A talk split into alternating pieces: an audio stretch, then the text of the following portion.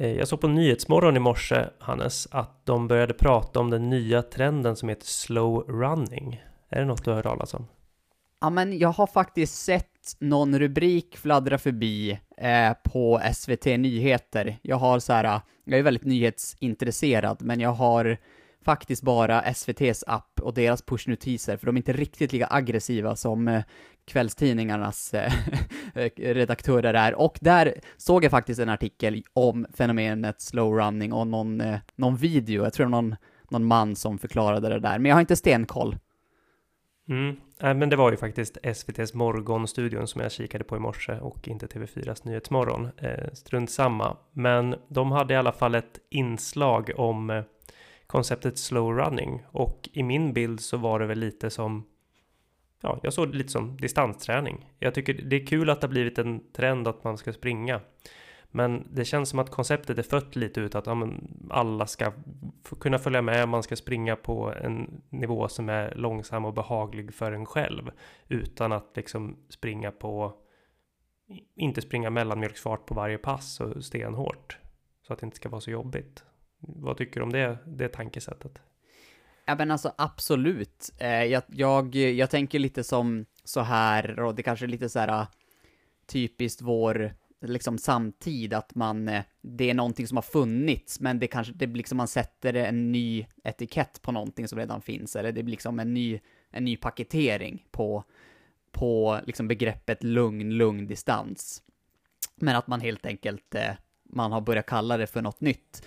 Eh, och eh, Eh, vi i den här podden är ju väldigt, väldigt positivt inställda till alla typer av löpare och vi förstår ju att inte alla jagar eh, sekunder på sina PBn och att det är ens eh, mål och syfte med löpningen, utan för vissa kan det ju vara bara att liksom hitta liksom rörelsemönstret löpning och eh, att sådana här typer av trender kommer eh, kan ju få fler att bli hälsosamma eh, och eh, få ett eh, bättre, bättre liv på det sättet. Så det, så det är positivt. Mm. Sen kanske det inte är något som jag personligen kommer att ägna mig åt särskilt mycket.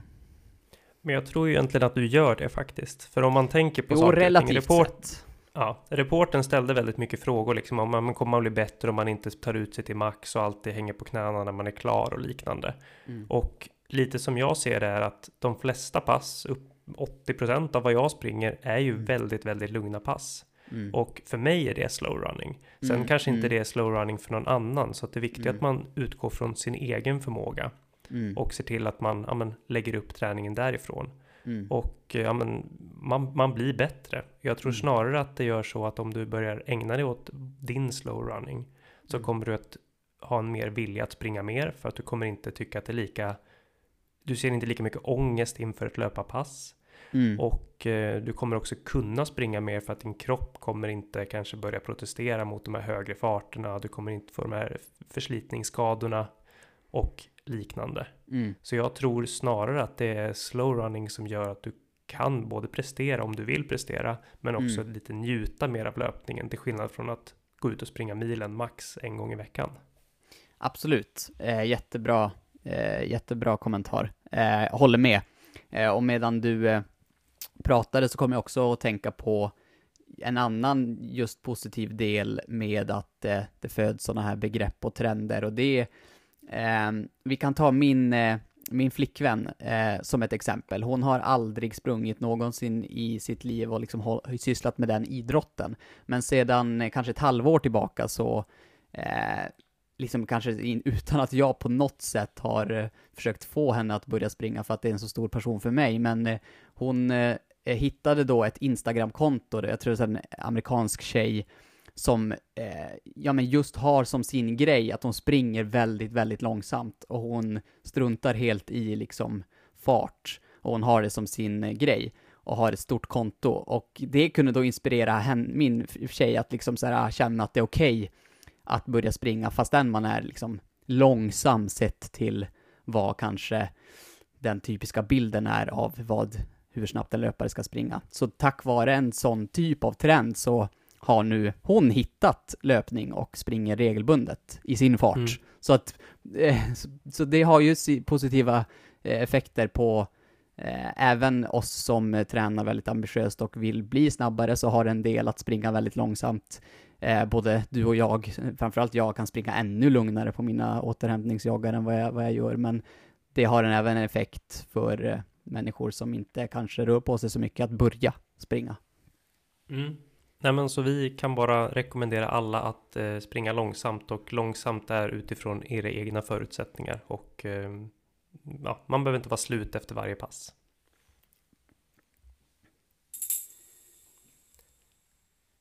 Ska vi ta oss in lite på veckans ämne och veckans gäst kanske? Vi, eh, vi ju... gör det. Ja, ja vi, yes. vi har ju styrketräningstema den här veckan och har bjudit in en, ja, men en löpare som vi känner väl som heter Stefan Bjerkegren. Han är väldigt aktiv i sociala medier och eh, har sprider sin kunskap om styrketräning. Har länge jobbat som personlig tränare och eh, ja, men vill inspirera och utveckla löpares styrka.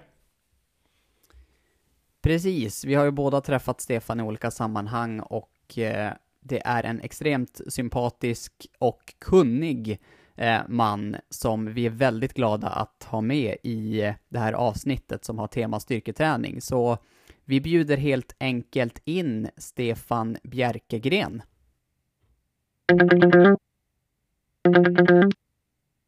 Då välkomnar vi Stefan Bjerkegren till Kaffrumslöparna. Välkommen, Stefan! Tusen tack! Kul att få en inbjudan och få vara med. Ja men väldigt, väldigt kul. Eh, jag och Molle har ju under ett tag här velat ha ett eh, riktigt bra styrkeavsnitt eftersom vi båda försöker utveckla den eh, delen av vår löparträning och jag tror att väldigt må många av våra lyssnare eh, kan känna igen sig i det, att man prioriterar bort styrkan lite grann. Så då eh, är vi väldigt glada att ha med dig här, eh, Stefan. Men eh, vi tänkte väl innan vi kommer in mer på eh, konkret styrketräning för löpare så är vi lite nyfikna på eh, dig, Stefan. Så om du skulle presentera dig lite kortfattat för en eh, person som inte vet vem du är sedan tidigare.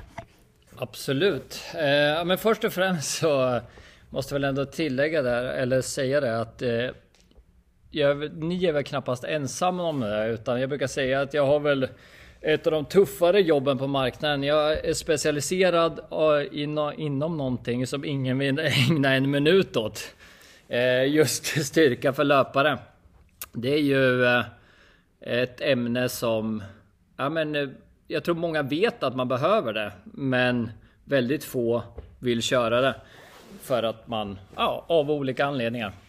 Men det var en parentes.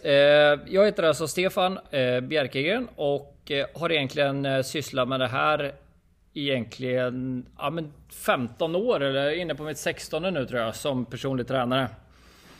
Eh, och att det blev löpning har väl mycket att göra med min bakgrund. Eh, likt eh, Hannes eh, så har jag spelat fotboll eh, i unga år. Gjorde fram till jag var 26. Eh, och sen fick jag en skada som visade sig sen var trås. Eh, och där egentligen började jag väl på något sätt hitta vägar för att träna för att kunna springa igen.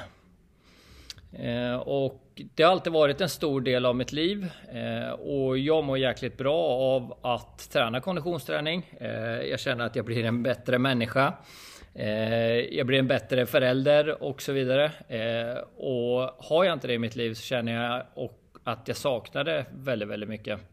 Så därav så försökte jag hitta liksom vägar och då när man börjar läsa på mer och mer så och börjar fördjupa sig i ämnet så märker man också kanske vilka fördelar det finns mm, inom eh, just styrka för löpare. Eh, så det blev väl en typ av fascination genom mina egna skador egentligen. Eller genom mitt problem med där jag hade ett knä som strulade i väldigt, väldigt många år. Och jag själv var tvungen att hitta vägar där egentligen läkare sa att du kommer aldrig kunna springa till att jag idag kan springa liksom 10 mil per vecka utan att ha några som helst problem med knät. Mm. Eh, så där börjar väl egentligen min eh, resa för att eh, eh, jobba med det jag jobbar med idag. Mm. Väldigt spännande att höra. vi träffades ju första gången när du tränade tillsammans med John Kingstedt, precis som både jag och Hannes har gjort. Och då satsade du väldigt, ja, men väldigt intensivt på löpningen. Du tränade strukturerat efter schema. Hur har träningen sett ut sedan du slutade träna med John? Eh, egentligen var det så här att eh, jag hade nog aldrig slutat träna, eller någon gång kanske, men det handlar mycket om att, alltså hur min situation såg ut mer tror jag. Eh, det blev egentligen för mycket ett tag. Eh, vi fick vårt tredje barn. Eh, vi har liksom barn som är två, eh, sju och nio. Så det är relativt mycket med dem. Vi är mycket med i föreningsarbete och barnen kör friidrott och så vidare. Och eh, det blev liksom lite för mycket av allting. Jag liksom eh, höll också på mycket med mitt egna företag och så vidare. Vilket gjorde att eh, jag tror att jag fick en, ett år egentligen då jag var ganska förra året då jag var rätt mycket borta från löpningen på grund av att jag hade svårt att hitta tillbaka och blev sjuk väldigt ofta. Jag hade mycket liksom så här långdragna förkylningar, mycket liksom luftvägar och, och som inte gav med sig. Kroppen svarade inte, så jag var tvungen egentligen att bryta och eh, börja om lite på nytt. Eh, och nu idag så har jag väl börjat liksom ändå komma igång ganska rejält, men det är ju kanske på en lite lägre nivå då än när jag tränar med John. Om jag var uppe liksom på kanske typ sprang en 10 mil i veckan när jag tränar med John eh, så ligger jag kanske på dryga liksom 7 nu eh, skulle jag säga. Mm. Och där någonstans känner jag att ska jag hinna med allting annat i livet eh, plus inte fuska med styrketräning och så vidare då är det någonstans där jag kan lägga mig för att också få tid med liksom återhämtning. Mm. Um, har, du några mål, bruk... har du några målsättningar som du vill uppnå med, med löpsatsningen just nu? Eller är det mest för att du vill må bra och vara en bra förälder som du beskrev? Uh, nej men det är väl lite mixat. Egentligen är det ju att må bra i min löpning. Uh, att det inte blir för mycket. Alltså så att jag känner att jag får energi av löpningen kontra att det tar energi.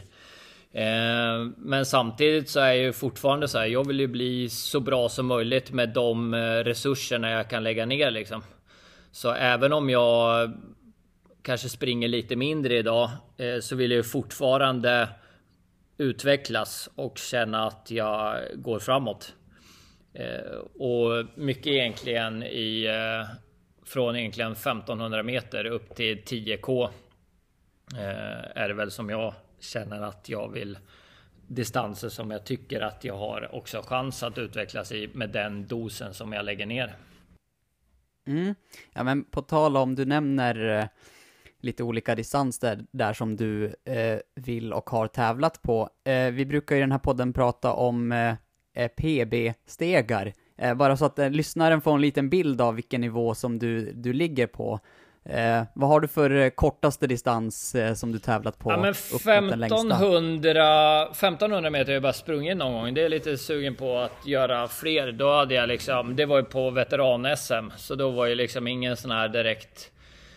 Ja, det var första gången jag sprang det. Då hade jag väl eh, 4.19 eller någonting kanske. Mm. Eh, men eh, det var ju ingen eh, sådär maxad eh, insats kanske, så det är väl någonting som jag känner att jag skulle kunna göra bra mycket bättre. Eh, sen 3000 har jag väl 9-10. Mm. Eh, 5000 har jag väl, hade jag väl 15-59 tror jag. Eh, och sen 10k är väl min sämsta då, det är 34-20. Mm, eh, tror jag. Som bäst där känner jag väl också att jag hade kunnat göra bättre, men där hade jag liksom. Nej, men det, det, det är en distans som jag tror att jag kan leverera bättre på. Mm. Men ungefär där eh, ligger jag väl. Ja. Eh, och i dagsläget då får man väl plussa på någon minut på varje. ja men precis, nej men som du, som du, eh, som du säger, det finns nog redan i, i kommer upp i i den formen som du var i tidigare, så speciellt 10K perset kan du säkert putsa eh, en del ganska snabbt. Eh, men eh, ja, jag tänkte bara lite nyfiken, eh, det här kanske inte intresserar alla, men eftersom jag är fotbollsspelare också, du nämner att du har en fotbollsbakgrund. Hur, eh, hur högt i divisionerna, eller hur, eh, på vilken eh, nivå spelade du där? Eh, men framförallt ska jag säga typ eh, de flesta åren tillägnade i division 2. Mm. Eh, så, så det var nog... Jag pluggade samtidigt, spelade då fotboll i, eh, nere i Malmö samtidigt som jag pluggade, spelade i Kirseberg och eh, vi eh, spenderade väl, jag kommer inte ihåg hur många säsonger jag var där, men kanske fem säsonger varav typ fyra var nog i division 2 tror jag. Okej, ja. Ehm, härligt. Nej men jag tänkte väl om Molle inte protesterar att vi innan vi kommer in på styrkedelen så har jag förberett eh, tio snabbfrågor. Mm, Spännande. kul! Yes, så det, det är ju, ja, vissa går ju att svara snabbt på, vissa får man ju lägga till lite kontext om man vill. Men eh, vi kör tio snabbfrågor helt enkelt. Så, fråga nummer ett. Vad äter du helst till frukost innan tävling? Uff, svårt. Eh, men det är nog så här. Eh, jag skulle nog säga att jag oftast trycker någon eh, havregryn eller havregrynsgröt. Men jag kan också eh, dunka ett par mackor. Eh, lite juice. Eh, den typen. Och sen kanske jag klipper någon gel eller någonting om jag skulle. Eh, ju närmare loppet liksom. Mm. Eh, vad föredrar du, träna eller tävla? Oh, det är nog ändå träna tror jag. Favoritsko för tävling?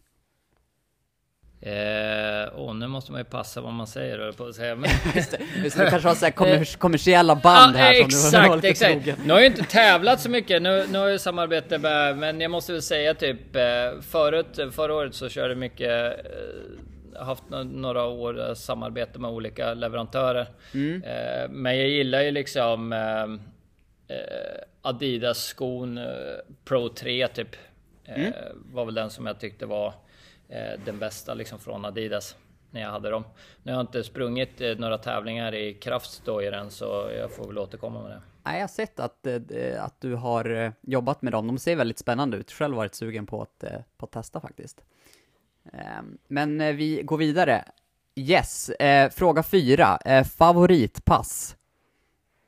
Och nu kör jag mycket av, för att komma tillbaks lite, så kör jag mycket av de här liksom långa trösklarna. Det är väl inga liksom, eller egentligen ja, låga tröskelträningen liksom.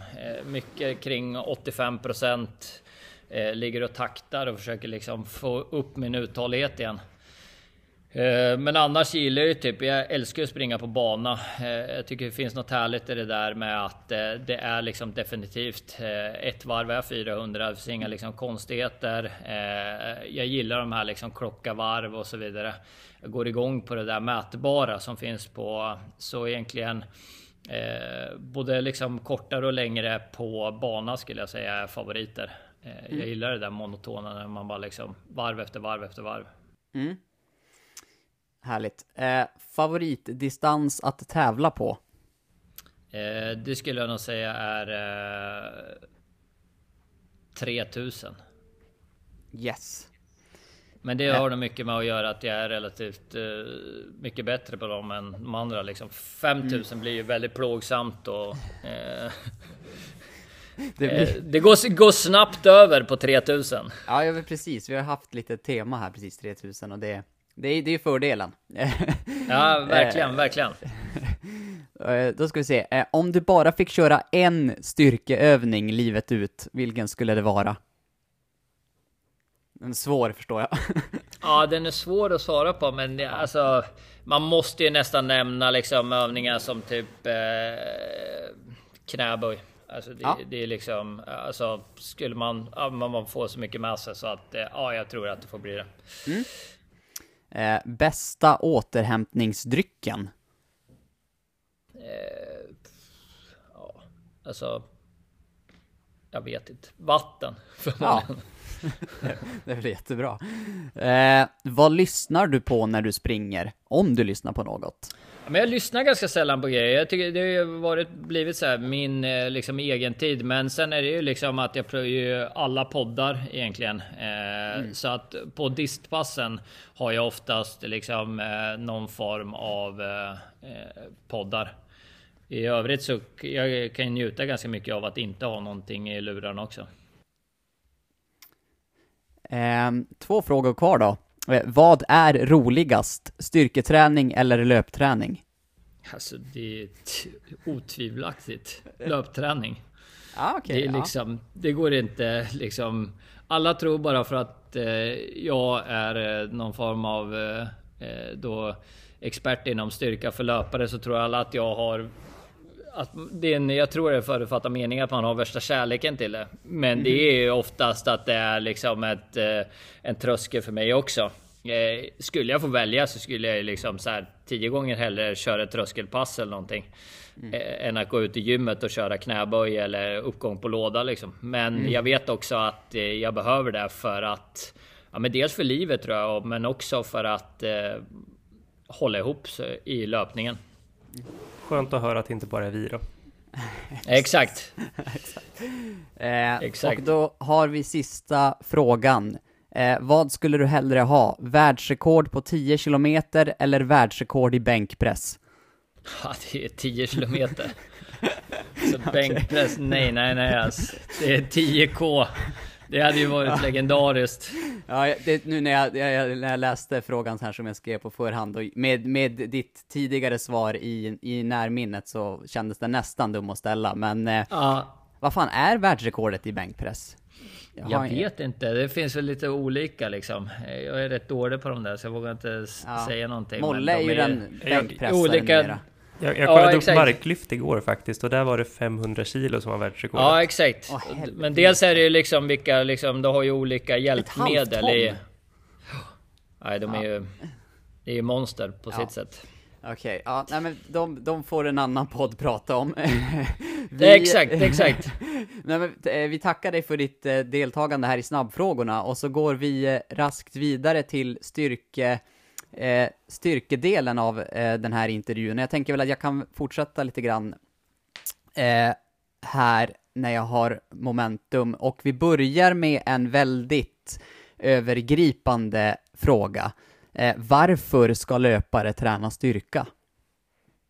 Nej, men det är många olika anledningar egentligen, eh, tycker jag. Eh, dels är det för att eh, alldeles för många går sönder om vi tittar på eh, löpning. Eh, och här har vi liksom att styrketräning generellt sett, om vi tittar på alla idrotter, så minskar du skaderisken.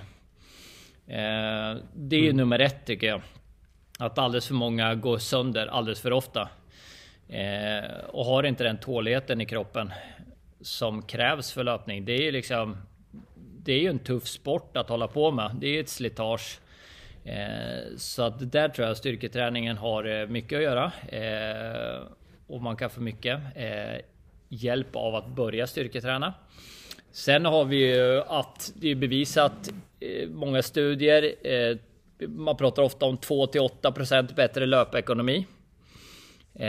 Det innebär ofta att man kan kanske sänka sitt, om man inte styrketränar och börja med det kontinuerligt. För det är ju så att det är ju som, exakt samma som med löpning. Kontinuitet är ju nyckeln till framgång. Så man måste ju göra det över tid. Och det är det ofta som är svårt. Eh, ofta så kör man ett pass och det kommer inte förändra någonting. Eh, att eh, liksom dunka in ett ströpass här och där. Utan man måste få kontinuitet.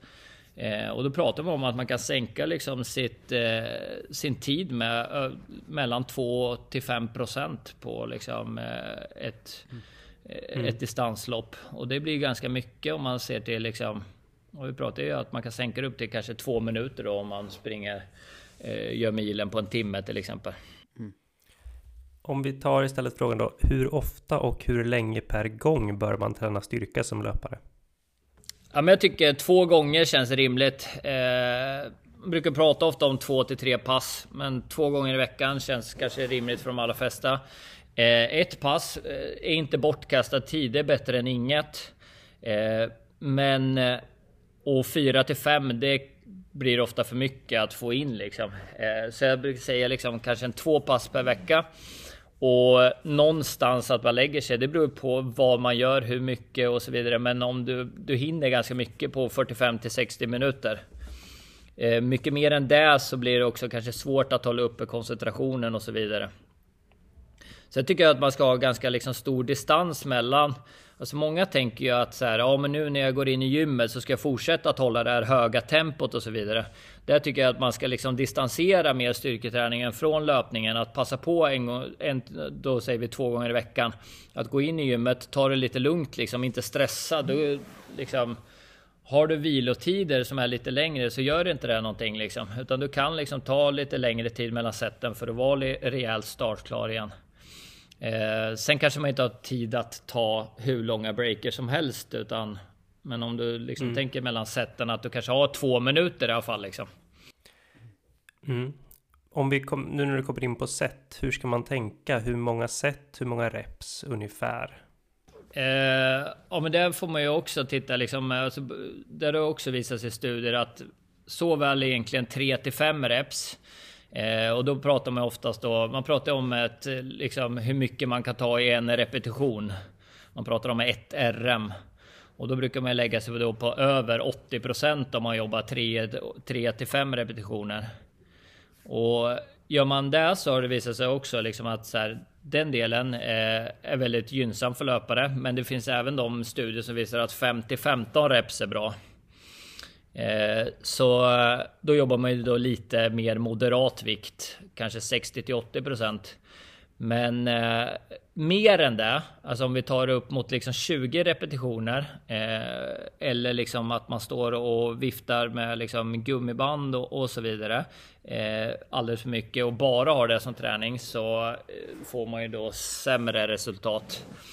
Eh, funkar ju bra liksom kanske då som uppvärmning eller aktivering eller liknande. Men annars spannet mellan egentligen då 3 upp till liksom 15, vilket jag använder då väldigt sällan 15. Jag skulle säga liksom ja, men 3 till 10 reps. Det är det spannet som jag ligger i eh, alltid. Och sen beror det på vilken nivå man är. Det är ju så här, man börjar ju kanske med 1 till 2 set per övning för att sen liksom öka det. Eh, ligga kvar på samma övningar och kanske gå upp till 3 till 6 set. Och även då över tid stegra vikterna.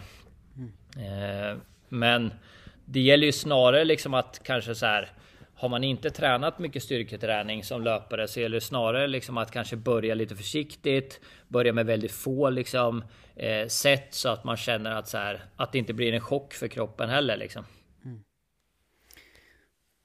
Mm, hur tänker du på att man ska eh, men, balansera ut styrketräningen mot löpningen så att man inte tar med sig slitenheten in i löpningen för att man är lite ovan vid styrketräning när man ska takta in det? Ja, det där är ju det, där är ju det stora liksom och det är väl därför många eh, gärna står över eh, sin sin liksom styrketräning eh, i och med att man blir sliten. Man brukar säga ungefär att 24 timmar efter eh, blir svårt liksom att göra. Man behöver 24 timmar återhämtning efter styrkepasset. Och då pratar vi om att man ska köra kanske något tuffare då. Eh, så kanske kräver ännu längre tid. Eh, men eh, just det att försöka att få en veckobudget eller veckoram som funkar. Det, det handlar ju liksom allting om på samma sätt som man bygger upp liksom löpprogrammet på ett visst sätt och inte liksom kör två kvalitativa pass i rad och så vidare. Så här får man ju också hitta så här, men vad funkar för den enskilde individen och gå in och titta på varje enskild individ. Att okej, okay, funkar det för dig att köra eh, till exempel distans på förmiddagen, styrka på eftermiddagen? Eh, man får ju se till hur får man ihop det med liksom jobb, familj, övrig tid och så vidare. Eh, tiden är ju en väldigt avgörande faktor eh, för väldigt, väldigt många. Alltså man ska få rum med allting och, och så vidare. Eh, men annars brukar man säga det om man tittar på återhämtningstiden så brukar man säga ett dygn eh, innan nästa löppass. Eh, skulle man ta tvärtom då eh, om man skulle så, så, kanske man kan liksom köra eh, löp, löppasset och så kan du bara vila några timmar egentligen för att sen köra styrkepasset I och med att det är ganska olika kvali kvaliteter liksom.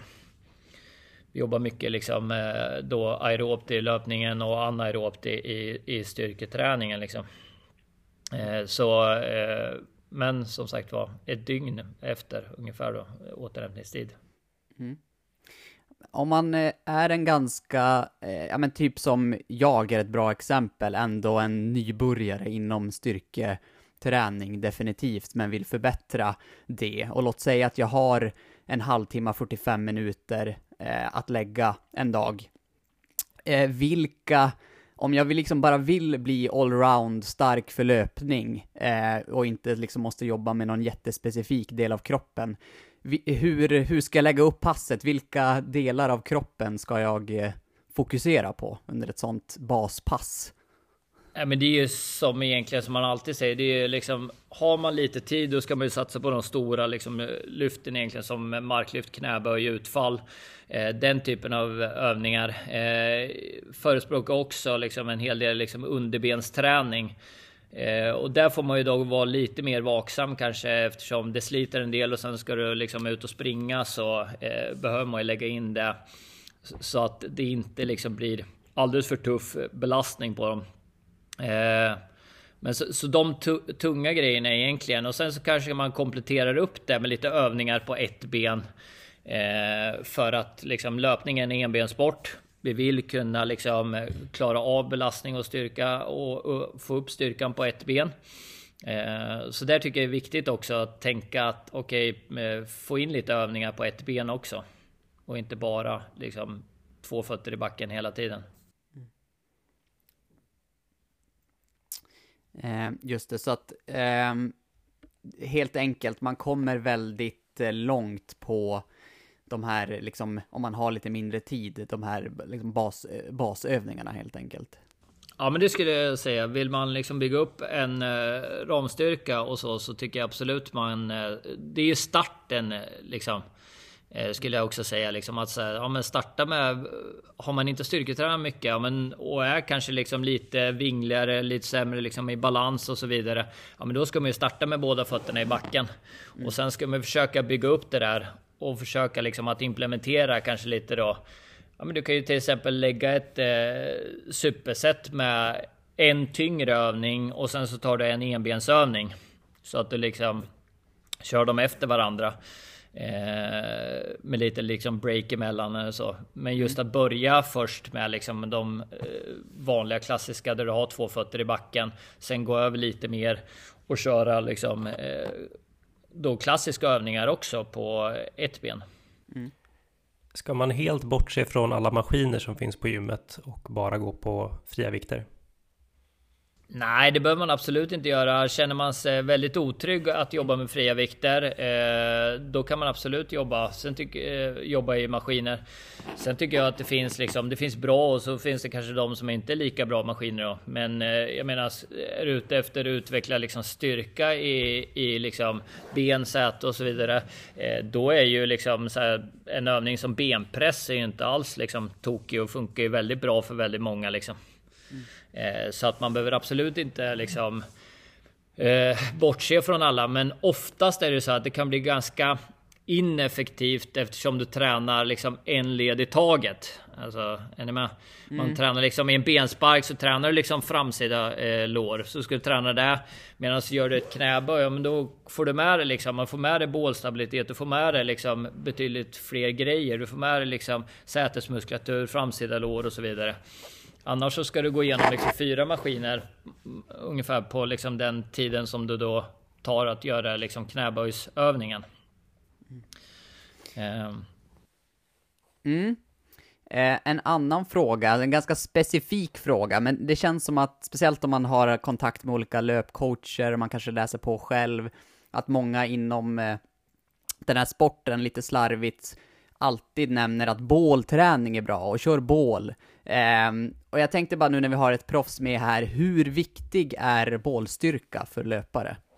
Nej men den är ju viktig för att liksom kunna överföra kraften egentligen från benen och, och liksom kunna ta hand om den. Det är ju liksom kroppens centrum. Eh, och sen ska du ta vidare den liksom. Eh, och, men jag skulle säga så här att mycket, det beror ju på vem man är återigen. Eh, vem man har framför sig. Eh, jag som har gjort liksom så här eh, så många timmar på golvet så handlar det om att en del behöver jobba väldigt mycket bålstyrka. För att man är liksom fladdrig, man är lite överallt när man springer. Men så är det någon som är jättestabil i sin löpning och liksom kanske behöver jobba mer med sin rörlighet och så vidare. Så att jag skulle säga på eh, olika för olika individer. För en del är det viktigt och behöver jobba liksom med stabilitet. Sen är ju stabilitet inte detsamma som att vara still. Det är ju många tänker att okej, okay, om jag ska vara stabil i bålen, då ska jag vara helt still. Nej, men alltså det måste ju röra på sig, annars kommer du inte utveckla någon kraft. Man kan ju aldrig liksom hålla bålen helt liksom still, eh, utan eh, det är liksom. Du måste ju ha en rörelse. Mm. Eh, eftersom ändå många eh, löpare lägger till eh, bålträning och just eftersom bålen är så, så pass viktig, kanske den mest kända övningen är väl plankan, men har du något eh, tips på, ett, eh, på en eller två bålövningar som du själv tycker är bra? Eh, nej men eh, jag tycker att man kan eh, jag har en övning som jag brukar lägga till ganska mycket på många och det är just att så här även få med sig lite höftböjare. Eh, då liksom så här, ja men det står också för mycket av eh, kraften. Många är svaga där. Vi liksom utmanas inte i vårt samhälle så mycket idag och så vidare. Eh, då har jag en övning som heter SOAS Mars. Vi kanske kan lägga upp den på eran ja, Instagram eller någonting jättegärna. Ja, eh, men det är en gummibandsövning egentligen, eller minibandsövning som man lätt kan köra. Liksom superenkel övning. Man kan köra den efter avslutat löppass. Handlar egentligen om att man man gör som en eh, statisk eh, crunchrörelse men samtidigt så har man ett gummi eller miniband runt fötterna så drar man in knät mot sig så man även får med liksom mycket av höftböjarna så det blir liksom som höftböjare och bål i en kombination egentligen. Mm. Eh, den av sådana övningar tycker jag är liksom eh, det kan vara användbart för många där ute att eh, jobba lite extra mm. med. Mm. Verkligen. Om vi säger så här, nu kanske det blir en alldeles för svår fråga och i så fall får du backa från den. Men om jag vill ha två stycken styrkepass på gymmet i veckan, säg cirka 5-6 övningar kanske man hinner på tre kvart. Vilka övningar på respektive pass? Eh, oh, eh, ja, det blir ju kanske lite. Dels så är det så här eh, som allting annat. Eh, då vill man gärna se hur du rör dig och så vidare. Eh, och ser liksom så här, kan göra en analys på det. Får man det, då, då, då kan man ju mer sätta så här, ja, men här kanske vi har en svaghet eh, som vi behöver jobba upp. Här skulle du kunna eh, få en klar fördel av att eh, vara lite starkare eller vara lite mer stabil eller och så vidare och så vidare. Men jag skulle säga liksom att då kan vi lägga, skulle man bara generalisera eh, så skulle man kunna säga att ja, men lägg då en av dagarna som är liksom lite tyngre styrka och en av dagarna som är lite mer för eh, liksom balans koordinativt, eh, lite kanske lite mer plyo, eh, lite mer av enbensvarianter. Så inte så tungt egentligen, men liksom mer där du får utmana andra delar liksom att så här. Eh, ja, men jobba kanske så här Eh, vi pratar ju ofta så här, liksom Bulgarian eh, split squats eller mm. Romanian deadlift. Nu blir det många namn och sådär, men mm. just eh, övningar på ett ben, eh, jobba lite extra plyo-grejer. Eh, den gången och sen så andra kanske har liksom klassiska incitament som liksom marklyft, eh, knäböj och så vidare. Så man delar upp det lite också mm. så. Ja, men det var ett jättebra svar, för det var lite, det var nog det jag var ute efter, lite hur man skulle tänka i veckan och så. Och det är ju väldigt klokt att ha olika upplägg på de olika styrkepassen. Ja, men exakt. Och sen så kan du ju väva in eh, lite och kanske, det beror ju på. Eh, man eh, kan ju också väva in lite överkropp och så i de liksom tyngre passen också. Så man kanske gör det lite effektivt med att också arbeta. Jag tycker det är bra kanske att arbeta så att man inte tappar helt funktionen i, liksom i överkroppen heller. Men jobba lite roddar och såna här saker så att man också dels behåller rörligheten men också liksom har eh, en del liksom eh, eh också kraft ifrån överkroppen. Så att man inte liksom Många är ju rädda för att man ska bygga muskler, men eh, det, det behöver man inte vara rädd för. Det kommer krävas betydligt mer eh, uppoffringar för att bygga muskler en, än, två eh, eh, styrkepass i veckan. Mm. Intressant. Um, en annan fråga som jag har och som, eh, om man också tänker lite sen bara när man snackar med löpare och sånt som man hör lite slentrianmässigt sådär. En grej som man ofta hör är ju att eh, att, att backträning kan vara ett slags eh, komplement till ett styrkepass på gymmet. Eh, när du hör någon säga det, tycker du att det finns någon slags sanning i det, eller är det bättre att köra ett rent styrkepass än att köra ett backpass. Nej, men det, det finns absolut. Saker, men, ja. ja. men exakt, det är lite olika saker, men det är ju absolut så. Alltså det, det är liksom så här, det blir ju en, ja men väldigt liksom, eh, väldigt liksom, ja men styrka för löpare helt enkelt. Så det är liksom, det är alldeles utmärkt att köra. Eh, ja men som vi har hört nu liksom i olika poddar. Vi pratar om liksom de här passen som är på 10% lutningar och så vidare. Mm. Eh, där får du ju både liksom det centrala Eh, och det lokala eh, systemet jobbar väldigt kraftigt så att eh, tycker jag absolut kan ses som en typ av styrketräning för löpare och där är ju också det får man ju också anpassa. Har man ett sånt pass som är kanske svintungt, ja men då kanske det blir för mycket att jobba liksom två pass styrka den veckan. Man mm. kanske liksom, eller behöver välja liksom övningar utifrån vad man har kört också löpmässigt liksom. Mm. Oftast så känner ju de som springer kanske då på vissa de här 10-procentiga lutningar på bandet så eh, sliter det betydligt mer i liksom vadmuskulatur och så vidare.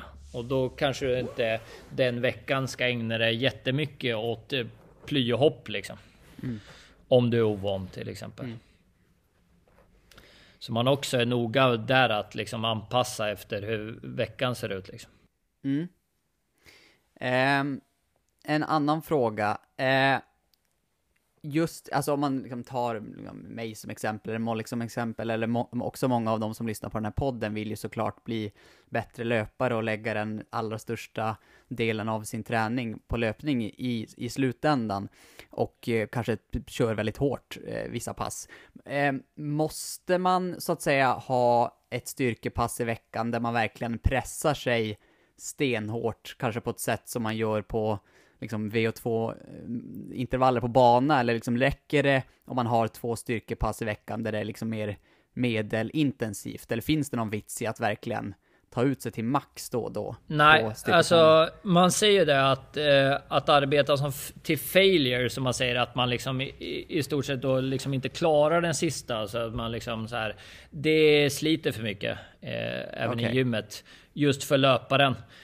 Alltså det kan man lämna till de som vill jobba liksom som alltså muskelbyggare och så vidare. Liksom, som vill eh, lasta på sig mer eh, massa så att säga. Eh, och det vill ju inte löparen. Löparen vill egentligen bli så stark som möjligt, men vill inte lägga på sig någon vikt. Så därför så jobbar man ju oftast inte med de vikterna som gör att man liksom inte klarar av den sista repetitionen. Utan det ska vara jobbigt den sista repetitionen. Det ska inte vara så här att om du har satt en femma, då ska du inte klara 20 stycken. Mm. Utan det ska ju vara så här, ja, jag klarar fem, men jag hade kanske liksom någon till i med. Men det ska fortfarande inte vara så här liksom att du rasar ihop. Eh, så att eh, då sliter det lite för mycket. Men lite som tröskelträning då kan man se det som? Att man, man ska ja inte men exakt alltså. Nej du ska liksom så här ändå känna att okej okay, jag hade någon kvar i mig men eh, eh, Men det är full, fullt godkänt. Eh, så, men som sagt var ändå inte att man jobbar för lätt. Det tror jag många också gör att man man vågar inte lasta på helt enkelt. Mm. vad skulle du säga är det vanligaste misstaget som löpare gör när de ska styrketräna? Eh, jag tror att man kanske sätter för hög, eh, liksom, alltså för höga trösklar för sig själv. Man börjar lite för mm. tufft. Eh, man börjar också med kanske för långa pass. Men samma sak där liksom, alltså kontinuiteten är nyckeln till framgång. Eh, vill vi bli starkare, vill vi bli bättre så måste vi hålla i det över tid. Och då tror jag kanske att så här, ja men börja med 30 minuter två gånger i veckan. Mm. Mm. Få in rutinerna liksom, hitta liksom det här och sen så bygg på därifrån liksom. Mm. Eh, och inte liksom så här börja med 60 minuter. Och sen tror jag också att så här, ja men ha en plan. Alltså det är ju samma sak som med löpningen. Verkligen. Alltså har man ingen plan, då blir det ju liksom inte lika bra. Och det är exakt samma och då kanske ännu värre i gymmet för att man det är inte ens hemmaplan och då kommer man in där och så nej, jag kör den här lite så tar jag den maskinen lite och så kör jag några knäböj där och och sen kommer man inte ens ihåg vad man gjorde liksom utan det är ju också att en del i det här är ju att ja, men bokföra, se vad jag liksom ligger till nu. Var vandrar jag? Vart är jag på väg till? Alltså se utvecklingen. Eh, jag tror för få gör det, vilket också gör att så här, ja, det blir inte så roligt. Mm.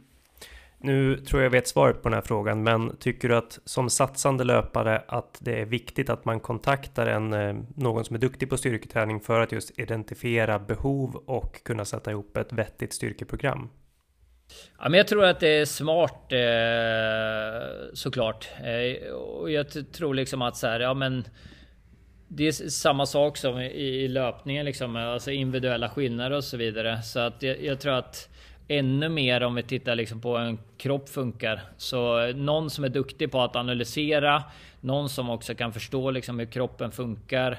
Eh, och vad den personen man har framför sig har eh, nytta för nytta av den typen av övningar eh, tror jag är otroligt viktigt för att eh, kunna gå framåt. Och på ett effektivt sätt också. Eh, så att man vill inte heller liksom eh, alltså kasta tiden i sjön så att säga. Utan man vill liksom man vill, man vill känna att man får liksom ut någonting av sin träning. Så att man inte känner att så här, ja men okej jag lägger ner massa tid där på gymmet men det har inte givit mig någonting liksom. Eh, extremt mycket matnyttigt som vi har fått med oss här, eh, tycker jag. Eh, jag har en, ja men en sista lite avslutande fråga, Molle får såklart flika in om man har något mer också, men om man är en sån typisk löpare som eh, springer, men som eh, vill börja liksom styrketräna och få rutin, eh, eller få in det som en rutin, vad är ditt bästa tips för att få in styrketräningen som en naturlig del av träningsveckan?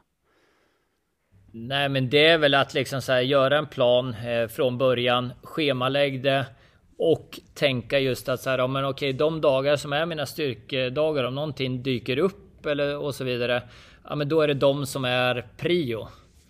Alltså så måste jag också göra. Alltså, för mig är det så här, jag har tisdagar och torsdagar nu som jag styrketränar på. Eh, jag ser gärna också att jag skulle kunna hinna med något, eh, oftast då liksom distanspass eller så. Men är det någonting som dyker upp och jag inte hinner det, nej men då försöker jag, då måste jag liksom prioritera styrketräningen då.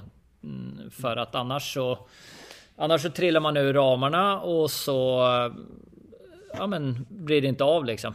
Mm. Eh, och jag tror att så här, ja, men på samma sätt som man sätter upp eh, schemat för löpningen på veckan så behöver man göra exakt samma sak när det kommer till eh, styrketräningen och då innefattar det allting. Ja, men vad ska jag göra? Eh, hur ska jag göra? Hur många reps ska jag göra? Hur många set ska jag göra? Mm. Eh, annars så tror jag det är lätt att man eh, man håller på och eh, ja, men förhandla med sig själv och så vidare. Mm. Jag gör det en annan dag liksom. Jo, men det är ju, det är ju väldigt lätt att hamna där. Eh, jag tänker om man skulle vilja komma i kontakt med dig Stefan och få din hjälp, hur går man tillväga då? Eh, ja men antingen så gör man det via Instagram där jag är ganska aktiv. Eh, och då heter jag Stefan.Bjerkegren, eh, tror jag. Eh, annars så kan man alltid mejla mig eh, eller liknande. Men jag tror att eh, det är absolut säkrast att nå mig via Instagram. Mm. Jag kan verkligen eh, rekommendera att följa Stefan på Instagram eftersom du lägger upp så väldigt sådär eh, lätt eh, förståeliga videos där du ger väldigt många exempel på bra styrkeövningar för löpare. Det är väl det som är det intressanta. Det är inte så här ah, killar som är sponsrade av Tyngre och kör just bänkpress och som, de, de har väl säkert jättebra lärdomar också, men din nisch är så specifik för löpare, så det är verkligen värd en, en follow, tycker jag. Ja men tack, tack. Ja men det har väl blivit min grej att eh, så här, eh, just att köra den delen eftersom den alltid har liksom också intresserat mig och mm. eh, jag tycker att det finns väldigt, väldigt mycket att jobba med där eh, och att det behöver lyftas mm. fram mer än vad det kanske gör idag. Och framförallt också fördelarna med att eh, köra styrka, liksom även om man är löpare. Eh, och just att så här, man, man, blir inte liksom stor och man blir inte tyngre liksom. Och, så här, och den här slitenheten som kommer efter de här styrkepassen, ja men den kommer också lätta liksom. Mm. Alltså det är ju det, gör man det för sällan, ja, men då kommer man bli sliten. Då kommer det liksom mm. påverka nästa pass. Men eh, häng i där så kommer man se liksom resultaten och ser man resultaten, ja men då blir det också roligare. Mm. Verkligen. Har du själv något mer Stefan som du vill ta upp som är viktigt att berätta?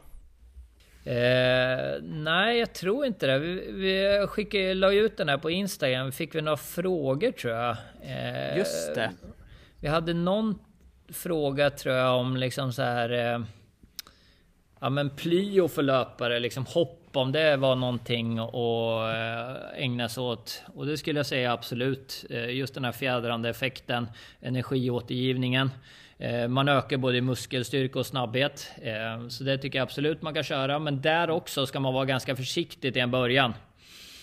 I och med att det också sliter. Så alltså, börja enkelt med båda fötterna i backen och jobba upp liksom tidsmässigt. Men så här, kan också vara jättebra med liksom hopprep och så vidare. Brukar ofta tipsa om. Bra uppvärmningsmetod till exempel inför styrkepassen. Mm. Um, bara för en som inte förstår någonting, alltså ordet plyo, vad betyder ja, det? Plyometriskt, alltså man hoppar eh, och sen liksom energin ja. egentligen så, eh, så, så, skickar man kraften tillbaka igen liksom. Alltså, så, spänsträning egentligen kan ah, man säga. Just det, ja. Bra. Eh, och sen fick, fick jag någon fråga om, några har vi nog gått igenom tror jag. Så ja, men tre ja. bästa övningar för löparen fick jag någon fråga om. Ja, den är jättebra. Eh, då skulle jag säga att liksom så här, men försöka få in någon form av plyo kanske. Mm. Eh, så att man får in någon form av hoppvariant. Eh, och sen eh, tycker jag att eh, en övning som vi inte tagit upp som jag tycker är användbar för väldigt många som kanske har liksom problem på olika sätt. Så, eh, skulle jag säga höftlyft för den bakre kedjan. Det är den man har liksom en eh, Ligger på en bänk eh, på rygg och så har man bänken vid skulderbladen och så har man en stång och så lyfter man upp höften. Mm. Eh, bra träning för liksom egentligen den bakre kedjan och baksida lår, sätesmuskulatur. Och den funkar för väldigt många. En del kan ju vara så här, men jag har liksom ont i knäna, kan inte göra knäböj, jag får ont i ryggen när jag gör liksom knäböj eller så vidare. Men det här funkar för ganska Alltså skulle jag säga funkar för de allra flesta liksom. Så det tycker jag är ett bra, eh, en bra övning att lägga in och speciellt passar den väldigt, väldigt eh, många då. Eh, och sen tycker mm. jag också uppgång på låda med typ stång eller hantlar eller kettlebells eller vad man har tillgängligt. Liksom att man egentligen har en ganska hög box och så kliver man upp på den. Så man jobbar med ett ben i taget. Eh, tycker jag också är en väldigt liksom, effektiv övning. Har också fått Eh, ja, men I studier så visar den också bra sätesengagemang och så vidare. Så att eh, också en väldigt bra övning att köra. Eh, mycket också blir knäkontroll i den övningen, vilket är viktigt för många eller en del som många har problem med. Eh, så det tycker jag är tre bra varianter som man kan lägga in i sin träning. Super. Eh, I övrigt tror jag inte att eh, jag tror vi har täckt de mesta av de andra frågorna. Mm. Det var mycket frågor om liksom hur många pass i veckan och så vidare ja. och sådär liksom. Men, men, det gick vi igenom innan och sådär. Precis. Ja, men det känns som att vi har, eh, vi har tagit något slags hel, helhetsgrepp här. Eh, och jag känner mig liksom väldigt motiverad att precis som du säger också, att lägga upp en plan för styrkan. Nu har jag faktiskt för första gången liksom under senaste månaden här fått in regelbundet två gånger i veckan. Eh, åtminstone att, liksom, att, man, att få det gjort. Sen finns det jättemycket att utveckla liksom, Ja, inom se, du, du, du ser ju inte asbiffig ut ändå ju. Ja, vad sa du att? Du, jag tyckte du såg lite biffigare ut. Ja, men alltså, jag, jag känner att, alltså faktiskt, om jag liksom skulle tagit en bild på mig själv för eh, sex månader sedan och nu så, ja men Ja. alltså biffig kan, tajtare skulle jag säga. ja, Ett bättre ord. Ja. Så Ja. att eh, det, det, det, går, det går framåt i alla fall. Ja, exakt. Eh. Ja, man såg det på t-shirten. Ja, ja, det är bra. Det är bra. Jag behöver lite, lite uppmuntran.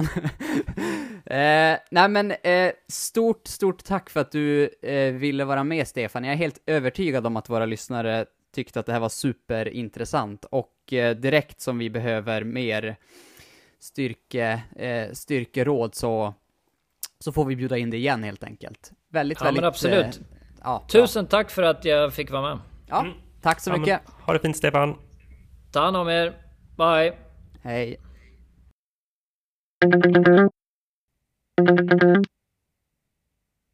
Då säger vi ett väldigt stort tack till Stefan Bjerkegren för den här extremt, extremt matnyttiga eh, intervjun där jag kommer ta med mig väldigt mycket, både rena fakta, men även en stor del inspiration och motivation att utveckla min egen styrketräning. Eller vad säger du Molle?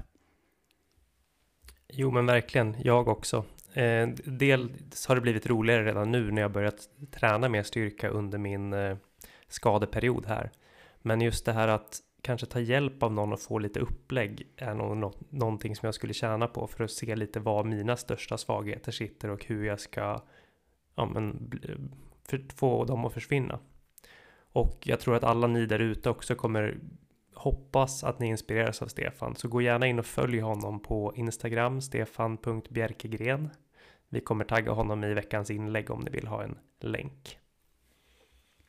Precis. Eh, jag kommer framförallt eh, ta med mig det här att eh, liksom fortsätta med mina två styrkepass, men att planera dem bättre och att ha lite olika fokus på de två olika passen och eh, det här vi pratade en del, speciellt kanske i slutet av intervjun om eh, plyo och hopp och spänst är någonting som jag verkligen ska eh, börja introducera mer i min styrketräning och det är säkert någonting som som, som många missar lite. Ehm, sen liksom ett annat så, sista tips från mig, eller det som jag använder mig av för att motivera mig till att träna styrka, det är just att eh, Eh, jag tror det är ganska vanligt, det känner du nog också igen dig Molly, att när man kör pass och tröskel och eh, men även under distans, att man liksom visualiserar och försöker se framför sig att man utför stordåd på tävlingar och så vidare.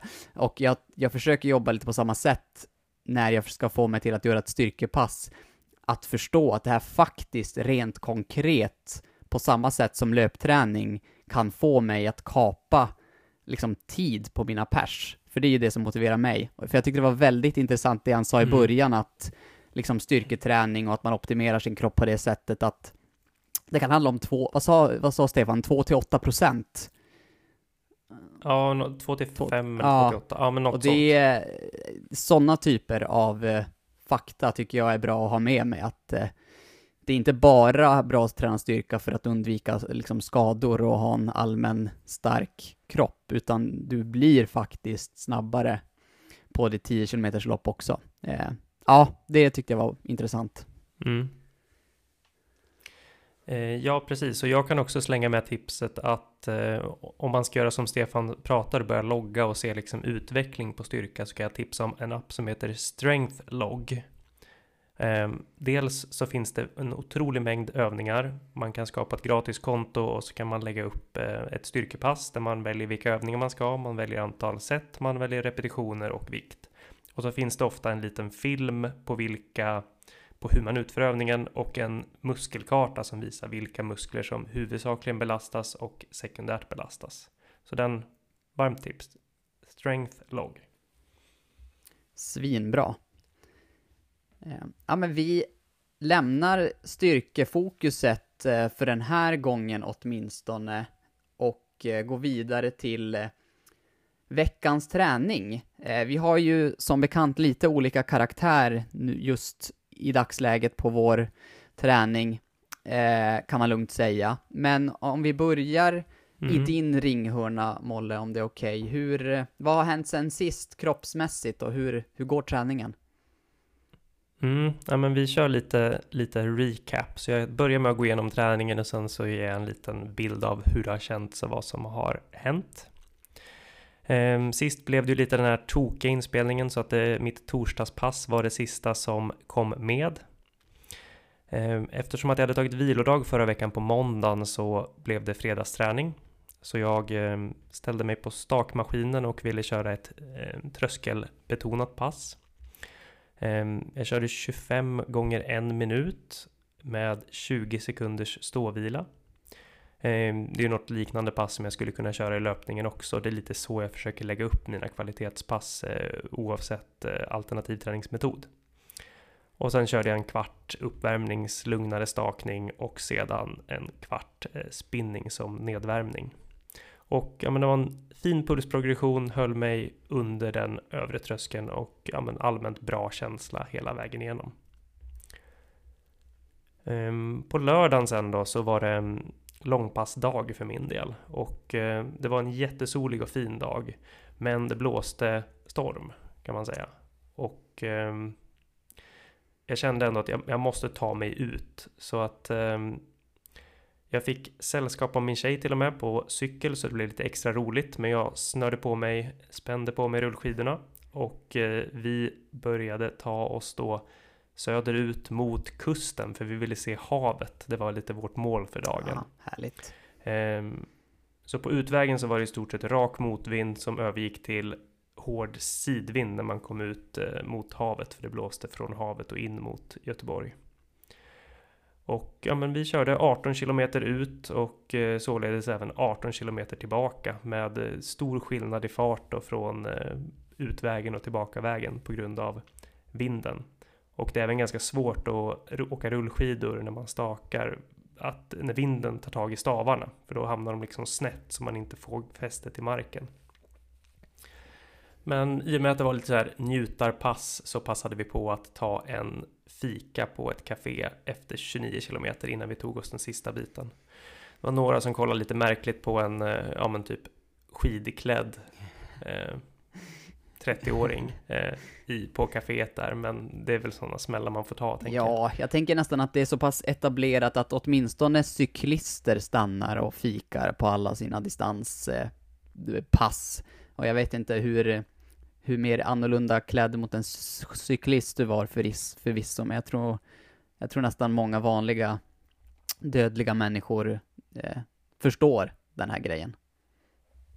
Ja, absolut. Och det får mig ändå tycka om det där lite mer att man kan man, På ett löppass, långpass vill man ju verkligen inte stanna och äta en måltid för då har man inte mycket att kunna springa med sen för då kommer man ha ont i ja, magen. precis. Nej men det blev då i alla fall som sagt 36 kilometer på 2 timmar och 45 minuter så långpasslängden är det inga fel på. Yes, söndagen sen så var det min styrkedag. Ehm, körde en halvtimme cross-trainer innan jag började styrkepasset och eh, sedan typ en timme och en kvart eh, generellt sett lite så benupplägg på styrketräningen och avslutade med lite tyngre marklyft bara för att eh, se lite vad jag klarar av helt enkelt. Ehm, sen så har det av någon anledning blivit så att måndagar är en ganska trött dag för mig och det är svårt liksom om man är trött efter jobbet. Så det har börjat bli lite naturligt att ta det som vilodag istället. Så så blev det även denna veckan. Och igår tisdag så var det dags att göra det här beryktade testet av att eh, springa för första gången på de här efter fyra viloveckor. Så jag, eh, eftersom att jag ville hålla det med kontroll så ställde jag mig på löpbandet för då kan man ju kliva av så fort någonting känns fel eller om det skulle börja göra ont så är jag inte ute på någonstans.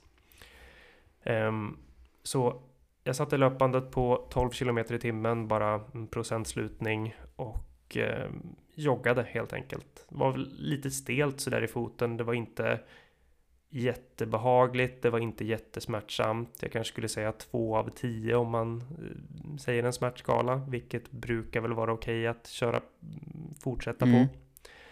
Um, det blev inte värre efter skulle jag heller påstå, utan det var, det var ganska kontinuerligt. Så jag får se lite hur det utvecklas. Det känns inte heller nu värre idag, så jag ska nog testa något kortare i eftermiddag också, bara för att liksom se hur det känns då. Så att mm, klok, lugn progression, inte mer än 3 till 5 kilometer totalt per pass den här veckan.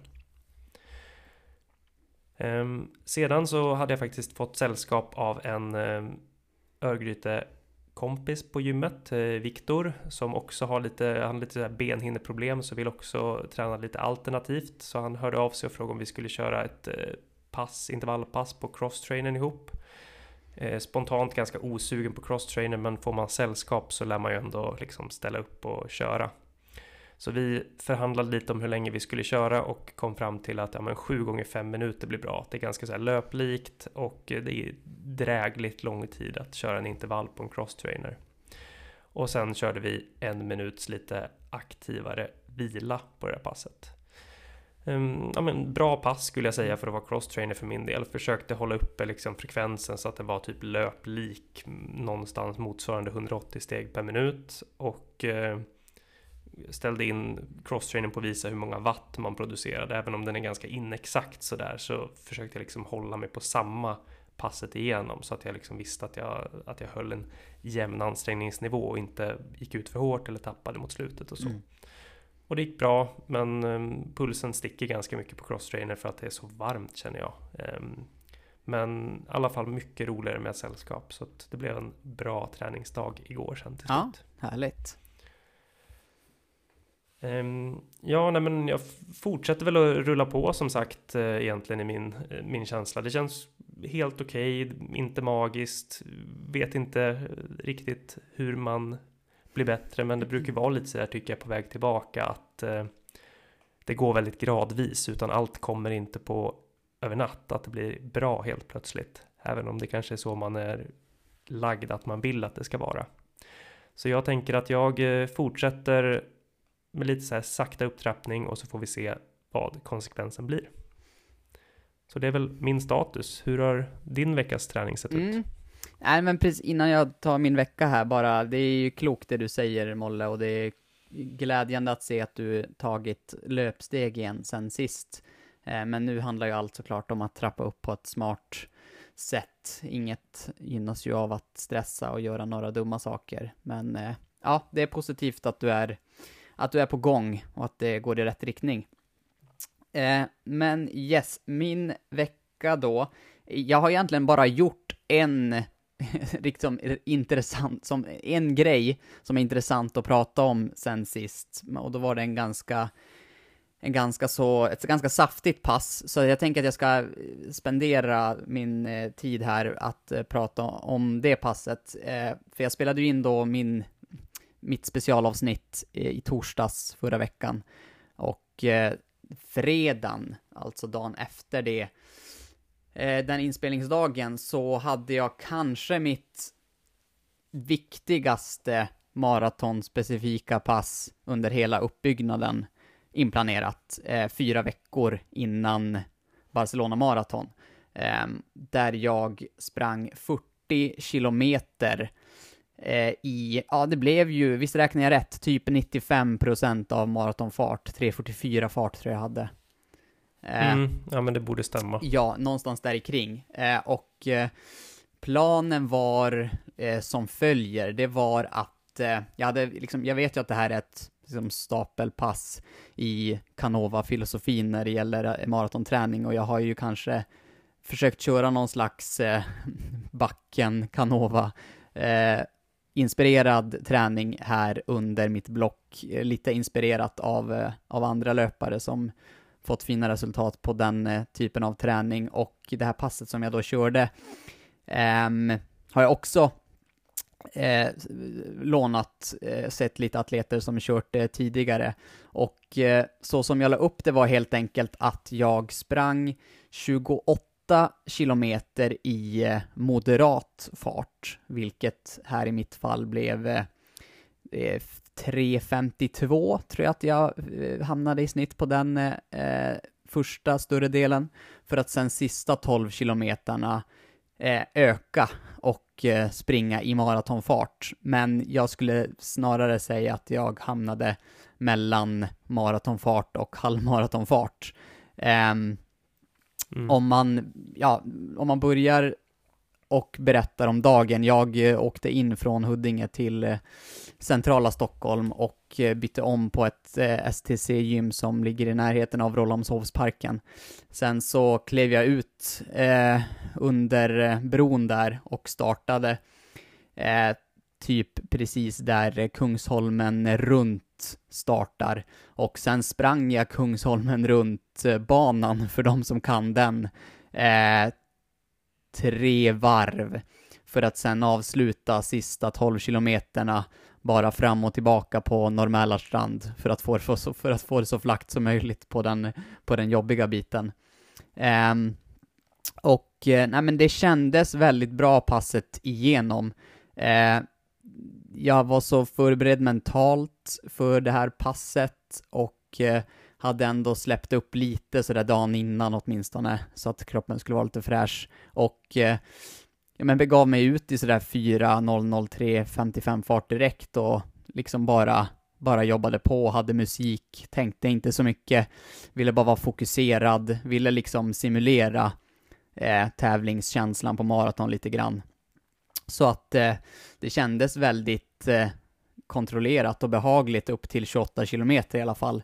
Sen kan det nämnas att jag tog en gel var 20, varje 25 minut. Um, och eh, det, det hjälpte ju såklart eh,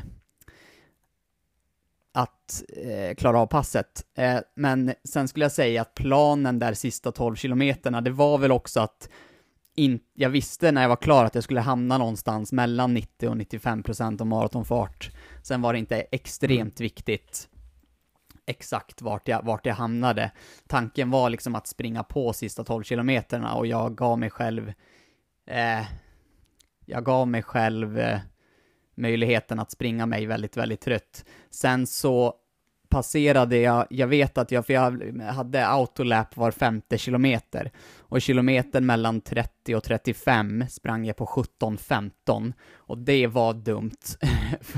Eh, för, det, det, eh, den sista fem kilometern mellan eh, 35 och 40 blev extremt jobbig. Jag, jag, skulle nog snarare ha lagt den kanske någonstans mellan 17.40 och 17.30 så tror jag att jag hade haft ännu lite mer kontrollerad känsla genom sista delen av det passet, men jag tappade inte så mycket på eh, femman mellan 35 och 40, eh, och jag, jag tror att jag hade 17, 19 eller 17, 20 någonting, men då fick jag verkligen pressa mig superhårt. Så att eh, för de som eh, sett mina Strava splits där och eh, ser att jag hade kanske 3.28 snitt på de där 12 kilometerna. Det är, det är ingen planerad maratonfart. Det är fortfarande eh, Springer jag 2.29.59 i Barcelona så kommer jag jubla som om jag vunnit ett OS-guld.